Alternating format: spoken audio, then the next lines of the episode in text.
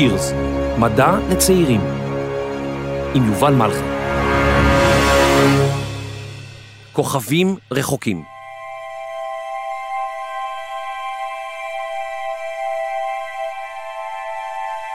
שלום חברים, זה קרה לפני הרבה שנים.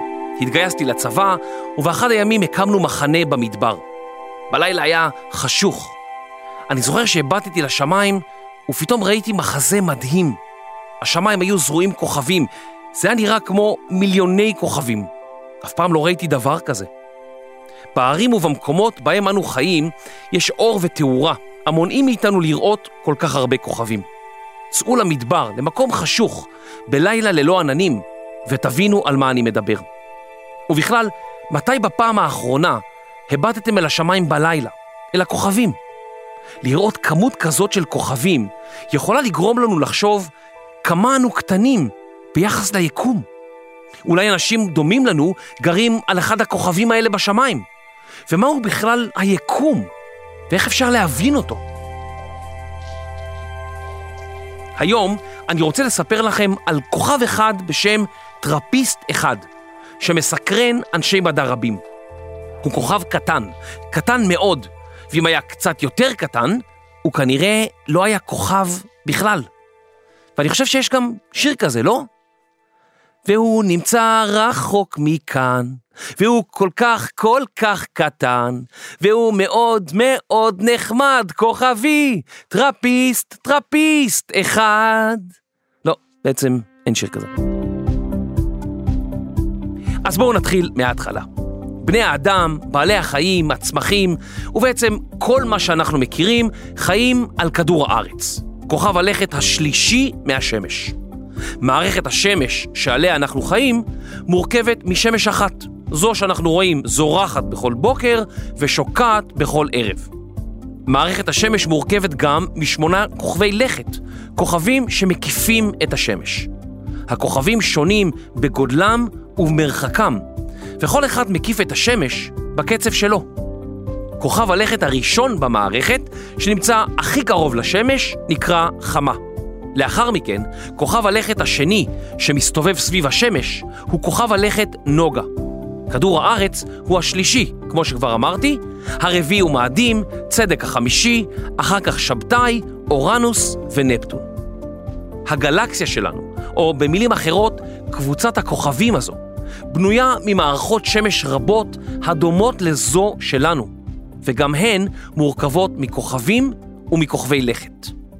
רגע, אז מה בעצם ההבדל בין כוכב לכוכב לכת? אני יודע, אני יודע.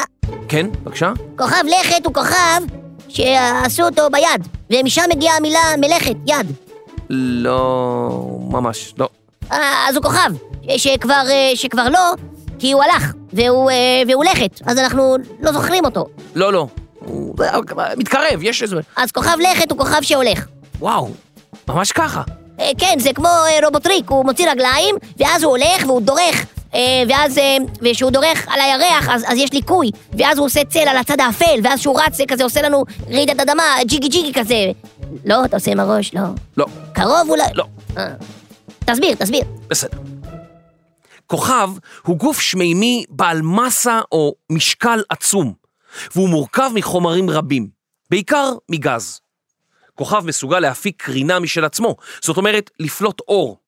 לעומת זאת, מסביב לכוכב מסתובבים כוכבי לכת, ולהם אין יכולת להפיק קרינה משל עצמם. ביוונית עתיקה נקראו הכוכבים הללו משוטטים, או נעים ונדים, פלנן, או פלנטות. מה זה בעצם אומר? זה אומר שהשמש שלנו, לדוגמה, היא כוכב, כי היא מפיקה אור. וכל אלו שמנינו קודם, שמסתובבים סביב השמש, הם כוכבי הלכת שלה. במערכת השמש שלנו יש שמונה כוכבי לכת, ועד כה נמצאו מעל ארבעת אלפים כוכבי לכת במערכות שמש שונות. מדענים ממשיכים לגלות עוד ועוד כאלה. רגע, אז אם כוכבי לכת אינם פולטים אור, איך אפשר בכלל לראות אותם? איך גילו מעל ארבעת אלפים כוכבי לכת? אסטרונומים, חוקרי החלל, יודעים שכוכב לכת אינו מסוגל להפיק אור, ולכן הם מחכים שכוכב הלכת של הכוכב, שאותו הם חוקרים, יעבור בעת הסיבוב שלו סביב הכוכב, בדיוק בינינו, כדור הארץ, לבין הכוכב שלהם. אם נוצר צל, או ליתר דיוק סוג של ענן, פילטר או מסכה על פני הכוכב, אז זו ההוכחה לקיום כוכב לכת. אפשר לראות בעזרת טלסקופ עמעום קל בבהירות של הכוכב. האסטרונומים מסתכלים דרך טלסקופים על כוכבים שמפיצים אור. וכשהם רואים את העמעום הזה, הם משערים שזה כוכב לכת שנמצא בדיוק בינינו לבין השמש שלו. הכוכב שאותו הוא מקיף. אני משתמש הרבה במילה משערים, כי כיום אנחנו עוד לא יכולים לדעת בבירור שאלו באמת כוכבי לכת, ולא כתם כהה יותר על הכוכב, או גורם אחר שמשפיע על הצל הזה. סוכנויות חלל ברחבי העולם, ובעיקר נאס"א, סוכנות החלל של ארה"ב, ממשיכות להמציא שיטות ומכשירים כדי לוודא שכוכבי לכת אכן קיימים. השנה, שנת 2021, אמור להישלח לחלל טלסקופ חדש, שחזק פי 100 מטלסקופ האבל שנשלח לחלל בשנת 1990. אולי יום אחד ימציאו טלסקופ שמסוגל להסתכל על כוכבים שנמצאים גזיליון שנות אור מאיתנו ולהגיד, אוי, תראו, הנה גלקסיה שפופי, נתקרב קצת, הנה הכוכב מלוקי, והנה אנחנו רואים על הכוכב הזה את מוטי, ואם נתקרב קצת, הנה הוא אוכל סנדוויץ' טונה, ואוי, תראו, נזל לו מיונז על החולצה, אה, מוטי, מוטי, נזל לך מיונז. כל גלקסיה שפופי עכשיו יכולה לראות שנזל לך, אולי, יום אחד, אולי. היום אני רוצה לספר לכם על כוכב קטנטן שנמצא 40 שנות אור מכאן. שמו טרפיסט אחד. טרפיסט הוא כוכב, כמו השמש שלנו, אבל הוא הרבה יותר קטן. הוא מפיץ רק 0.05 אחוזי אור ממה שהשמש שלנו מפיצה. אם השמש שלנו היא שקל, טרפיסט אחד הוא 5 אגורות. הוא מין מיני שמש, או, פיצי שמש, קטן כזה, חמוד, שמש כזה, קטנה ומתוקה כזה. מבחינת גודלו, הוא דומה לכוכב הלכת צדק, אבל הוא שמן הרבה יותר. טרפיסט אחד שוקל פי 80 מצדק. אם טרפיסט אחד היה טיפונת קטנטן יותר, הוא בכלל לא היה מצליח להפיק אור. רוב הכוכבים בגלקסיה הם קטנים ומפיצים מעט אור, כמו טרפיסט אחד, לכן קשה לנו ללמוד עליהם. הקושי בלחקור כוכבים כאלו לא הפריע לצוות אסטרונומים בלגים לחקור את המערכת של טרפיסט אחד, והם אכן מצאו שבעה כוכבי לכת שמקיפים אותו. שבעה כוכבי לכת צצים על כל גבעה. יש שיר כזה, באמת. כשאסטרונומים מזהים את צל כוכב הלכת על פני הכוכב, הם יכולים להבין את גודל כוכב הלכת בעזרת החישוב הבא. כמה אור חסר כעת לעומת מה שהיה קודם, כשהכוכב הפיץ 100% מהאור שהוא יכול להפיץ. את כל כוכבי הלכת של טרפיסט אחד גילו האסטרונומים על ידי זיהוי הצל שלהם, הכתם הקטן הזה. כוכב גדול ישאיר צל גדול, וכוכב קטן ישאיר צל קטן. המדידות הראו לאסטרונומים הבלגים שכוכבי הלכת של טרפיסט אחד הם פחות או יותר בגודל שלנו, של כדור הארץ. הקטן מביניהם הוא בגודל של שלושה רבעים מכדור הארץ, והגדול ביותר גדול מאיתנו ב-13 אחוזים בלבד. אבל בניגוד לכדור הארץ שלנו, כוכבי הלכת של טרפיסט אחד חגים סביבו במרחק מאוד קטן. כוכב עובד ממש כמו מדורה. ככל שאנחנו קרובים יותר, חם יותר. כוכבי הלכת קרובים מאוד לכוכב טרפיסט אחד. כשהכוכב הקרוב ביותר אליו משלים סיבוב שלם סביב טרפיסט אחד ביממה וחצי. כדור הארץ משלים סיבוב שלם סביב השמש תוך 365 יממות. שנה שלמה.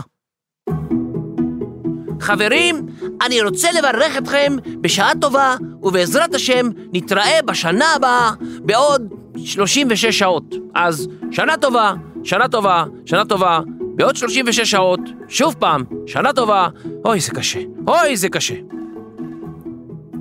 אם ניקח את כל מערכת השמש של טרפיסט אחד, כל שבעת כוכבי הלכת שלו ואת טרפיסט אחד עצמו, ונציב אותה במערכת השמש שלנו, נוכל לראות שהם קטנים כל כך, כולם יחד, כולל המרחקים המקוריים זה מזה, יוכלו להיכנס בין השמש לבין כוכב הלכת חמה שנמצא הכי קרוב לשמש.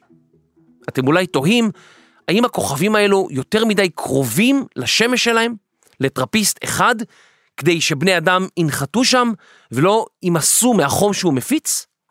מסתבר שבגלל שטרפיסט אחד אינו מפיץ אור רב, כוכבי הלכת צריכים להיות קרובים מאוד אליו כדי להישאר חמימים. ככל שכוכב הלכת קרוב יותר לכוכב, הוא יהיה חם יותר. אבל המרחק אינו הדבר היחיד שמשפיע על טמפרטורת כוכב הלכת. גם האטמוספירה חשובה מאוד. אטמוספירה היא מעטפת גזים המקיפה כוכב לכת. התפקיד שלה הוא לסנן את הגזים שיוצאים החוצה ונפלטים מתוך הכוכב.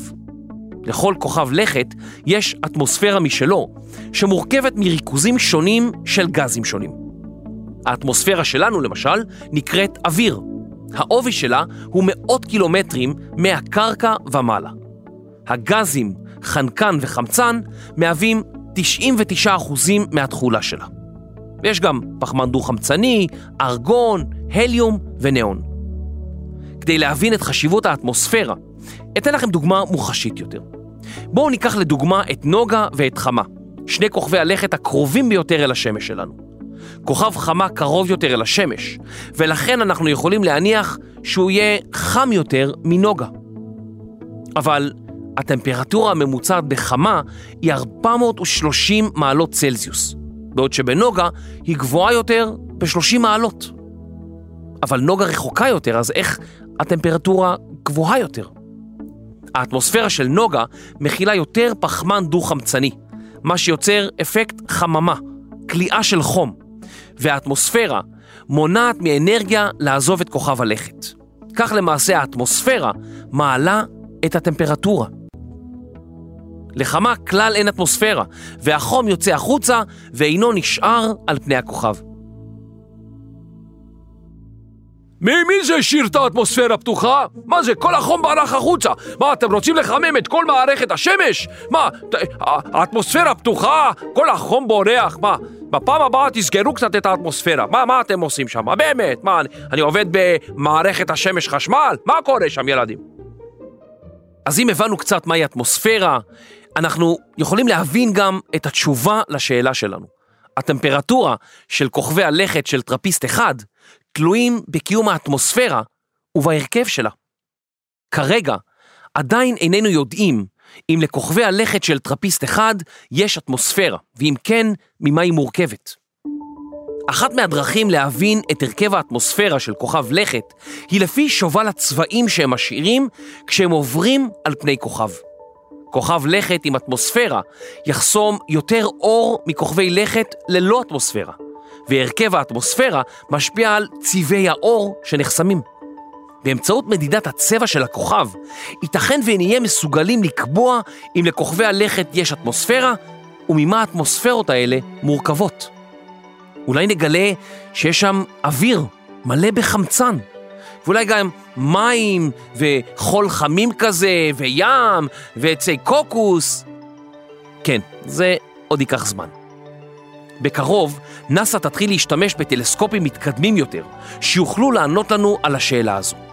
אבל עד אז, אנחנו צריכים להטיל ספק קטן במה שגילינו על הכוכבים הרחוקים, כי גילויים עתידיים עלולים לשנות את מה שאנחנו יודעים או משערים שאנחנו יודעים. ואולי עד שישתמשו בטכנולוגיות חדישות מספיק לגלות עוד ועוד על החלל ועל כוכבי לכת שונים ומשונים, אתם כבר תעבדו בתחום, ואולי תהיו אסטרונומים או חוקרי חלל בעצמכם. ואז תוכלו לתת לכוכבים שמות בעצמכם. כמו למשל... רגע, אם הייתם מגלים כוכב לכת חדש לגמרי, איך הייתם קוראים לו? מעניין. בואו לקבוצת הטלגרם שלנו, פרונטירס מדע לצעירים, וספרו לנו. איך הייתם קוראים לכוכב הלכת החדש שלכם? ניפגש שם.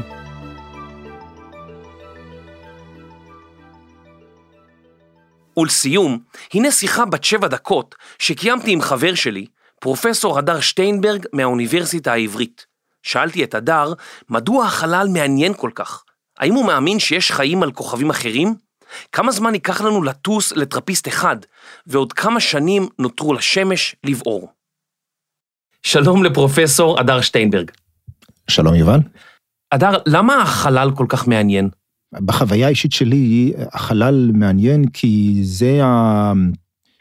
כל, כל הדברים הקיצוניים נמצאים שם, הכוכבים הכי גדולים, והמסות הכי גדולות, והאנרגיות הכי גדולות, זה מין, יש שם, יש שם פשוט עוצמה אדירה אה, בעיניי. אז יש שם, יש לך חורים שחורים, וכוכבי נטרונים, וננסים לבנים, ומין אה, גן חיות שלם של אה, עצמים נורא עוצמתיים בעיניי. ויש לזה גם, אם אנחנו רוצים שוב לחשוב על ה... אני קצת מדבר מנקודה של חוויה אישית, הוא נורא יפה. תמונות של העצמים האלה נורא, יפ, נורא יפים, ומגוון כל כך הרבה, כל כך גדול של תופעות, אה, זה בעיניי הדבר שמרתק בחלל. הוא גם נורא גדול, כן? היית, אם היה היום משלחת שטסה למאדים, ונגיד היה לוקח לנו חודש לטוס לשם, עוד חודש לחקור וחודש חזרה, והיו מציעים לך להצטרף, היית אומר כן או לא? תלוי מתי אתה שואל אותי. יש ספר שמאוד אהבתי, שמעתי אותו בגרסה מוקלטת כמה פעמים, באנגלית זה נקרא The Martian, היה גם סרט על זה עם מאט דיימון. זה, אני מאוד מאוד ממליץ לראות את הסרט ול, ולקרוא את הספר, כי זה מראה איך באמת אה, אה, יהיו, תיראה, תיראה משלחת למאדים ואיזה תקלות איומות יכולות לקרות שם. לקרוא שם לפני שקראתי את הספר הייתי בשמחה מצטרף. עכשיו אחרי אולי קצת פחות, אבל uh, עצם הרעיון של להיות חצי שנה בחללית ולנחות במקום כל כך זר, uh, וואו, נראה לי, נראה לי ממש כיף. אתה חושב שיש חיים גם מחוץ לכדור הארץ, בעולם, ביקום שלנו? מדען תמיד צריך להסתכל על מספרים. ומדען צריך להגיד, בוא, בוא נחשב סיכויים, זאת אומרת, כמה כוכבים יש, כמה גלקסיות יש, מה הסיכוי שיהיה לנו כוכב לכת מספיק קרוב כדי שיהיו עליו מים נוזלים ותתקיים עליו כימיה, מה הסיכוי שיהיו את התנאים לביולוגיה מתוחכמת, מה הסיכוי שהביולוגיה המתוחכמת תוכל להתפתח לכדי uh, חיים, שמס... בוא, מה הסיכוי גם שהכוכב יתקיים מספיק זמן כדי שהחיים יתפתחו, ובעת המודרנית אנחנו גם מבינים שאנחנו צריכים לשאול את השאלה, מה הסיכוי שגזע תבוני לא ישמיד את עצמו באמצעים מלחמתיים או באמצעים סביבתיים. ואחד הדברים הכי, הכי מרגשים, להסתכל על השמיים ולשאול את השאלה האם, האם יש שם מישהו, איך אנחנו נדע אם יש שם מישהו? איך נדע את זה? זאת אומרת, אנחנו צריכים, זאת אומרת, זה צריך להיות איזשהו גזע תבוני ששרד מספיק זמן כדי שתישאר איזו חתימה ממנו, שאנחנו נראה איזשהו סיגנל או איזושהי תקשורת. אה, וזה לא כל כך פשוט, אז אני חושב שאם מסתכלים, יש, יש משוואה מאוד מפורסמת שנקראת משוואת פרבי, שאומרת בואו בוא פשוט ניקח את כל המספרים האלה ונתחיל להכניס את הסיכויים אה, וכשאני הייתי ילד, כולם ידעו על המשוואה הזאת, כולם ידעו להגיד זה, זה סיכוי כפול סיכוי כפול סיכוי כפול סיכוי, אבל משהו מאוד יפה בעידן שבו אנחנו חיים, שחלק מהמספרים אנחנו, אנחנו כבר יודעים אותם. יש מספרים שלפני 30 שנה לא ידענו, והיום אנחנו כן יודעים למשל כמה כוכבי לכת יש, מה הסיכוי שיהיה כוכב לכת. כי היום התפתחו מאוד התנאים התצפיתיים ומאפשרים לנו להסתכל על כוכבים בסביבה שלנו ולומר לא רק האם יש להם כוכבי לכת, לפעמים כמה יש. מה, מה המרחק שלהם, מה מחזורי הסיבוב, אז לפחות על חלק מהשאלות אנחנו יכולים כן לענות. אין לנו היום הוכחה שיש גזעים אה, תבוניים, ואם יש אולי מישהו בגלקסיה אחרת, מהירות האור היא מאוד איטית ביחס לממדים של היקום, אז אנחנו, גם אם שם יש סיכוי שאנחנו לא יודעים את זה. אני, יש לי איזושהי, זו לא דעה מדעית, זאת אמונה, זה שלא נראה לי הגיוני שדברים יקרו פעם אחת. ולכן אני מאמין שאם קורה משהו, סביר להניח שהוא פשוט הנורמה ולא ה... שהוא הנורמלי ולא האנומלי. ולכן אני מאמין שתזרוק לתוך הקדרה מים נוזלים, חמצן, מספיק חומרים כימיים כדי לקיים אה, כימיה מורכבת. אה, נראה לי סביר שהמורכבות אה, תתפתח מאליה, ואז זה כבר רק שאלה, שזו כבר רק שאלה של סיכויים. זאת אומרת, נראה לי שמורכבות זה דבר שסביר להניח שיקרה. חיים תבוניים זה סיפור אחר, כי אני, אני לא מרגיש שיש לי מספיק כלים להבדיל בין חיים לבין חיים תבוניים. ולמה חמישה, ארבעה מיליארד שנה היו חיים, מיליארד שנה היו חיים רב-תאיים, אה, פרימטים היו קיימים עשרות מיליוני שנים, ופתאום לפני 200 אלף שנה מופיעה תרבות. אז, אז מה היה שם? מה, אנחנו עדיין לא יודעים. וזאת שאלה שהיא פחות שאלה לפיזיקאים, זו שאלה יותר לאנתרופולוגים או למדעני מוח. ולכן חיים, אני ממש ממש בטוח שיש, חיים תבוניים, וואו, אין לי מושג.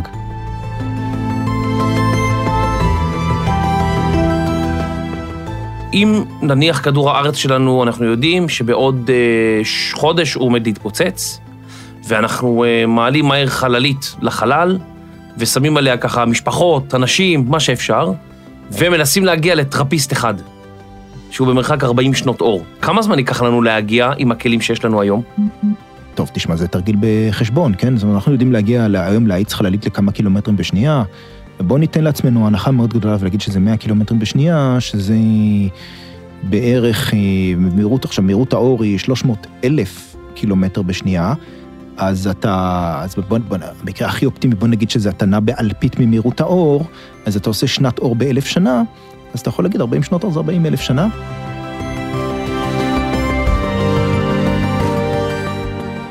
השמש בעצם היא בוערת והיא שורפת כל הזמן כמו דלק, נכון? אז יש לה אורך חיים מוגבל. נכון. כמה זמן השמש שלנו בעצם אמורה להתקיים? אז כן, השמש שלנו אמורה לברור עשרה מיליארד שנה. אנחנו נמצאים בערך חצי הדרך לשם, ולקראת הסוף יקרו דברים מעניינים. היא הופך, היא פתאום הכוכב מתנפח והופך למשהו שנקרא ענק אדום, אחר כך הוא אה, עובר כמה מין, תלוי במסה שלו, הוא גדל ומתכווץ וגדל ומתכווץ, משאיר מעליו הרבה מהמסה. השמש שלנו תסיים את, את חייה ככוכב קטן שנקרא ננס לבן. שזה בעצם הליבה שלה שתישאר לוהטת למשך הרבה מאוד שנים, ותתכווץ לממדים של בערך הגודל של כדור הארץ. אז נצטרך למצוא אה, חלופה, או אנשים בעוד חמישה מיליארד... יש לנו אה... כמה מיליארדי שנים למצוא חלופה, כן. יש לנו כמה בעיות דחופות יותר ככה. כן, כן, כן, בתקווה, כמו שאתה אומר, שלא נהרוג אחד את השני קודם. כן. אנחנו ממש רוצים לשמוע מכם. הצטרפו לקבוצת הטלגרם שלנו, פרונטירס מדע לצעירים, ושתפו אותנו. פרונטירס הינו כתב עת מדעי דיגיטלי חינמי לילדים ובני נוער. המאמרים נכתבים על ידי טובי המדענים והמדעניות בארץ ובעולם, ונזכרים על ידי צעירים. כתב העת יוצא לאור בישראל על ידי מוזיאון המדע על שם בלומפילד בירושלים, ובניהולו המדעי של פרופסור עידן שגב מהאוניברסיטה העברית. כותב המאמר, ברט מוריס. עריכת המאמר לשידור, ליאור רגב. עריכה וקריינות, יובל מלכי. מיקס ואפקטים, אולפני סוף הסאונד. עריכת לשון, דינה בר מנחם. מפיק ראשי, רני שחר. תודה לצוות מוזיאון המדע ופרונטירס, פרופסור עידן שגב, מאיה הלוי ודוקטור גליה זר כבוד. אני יובל מלכי. פרונטירס, מדע לצעירים.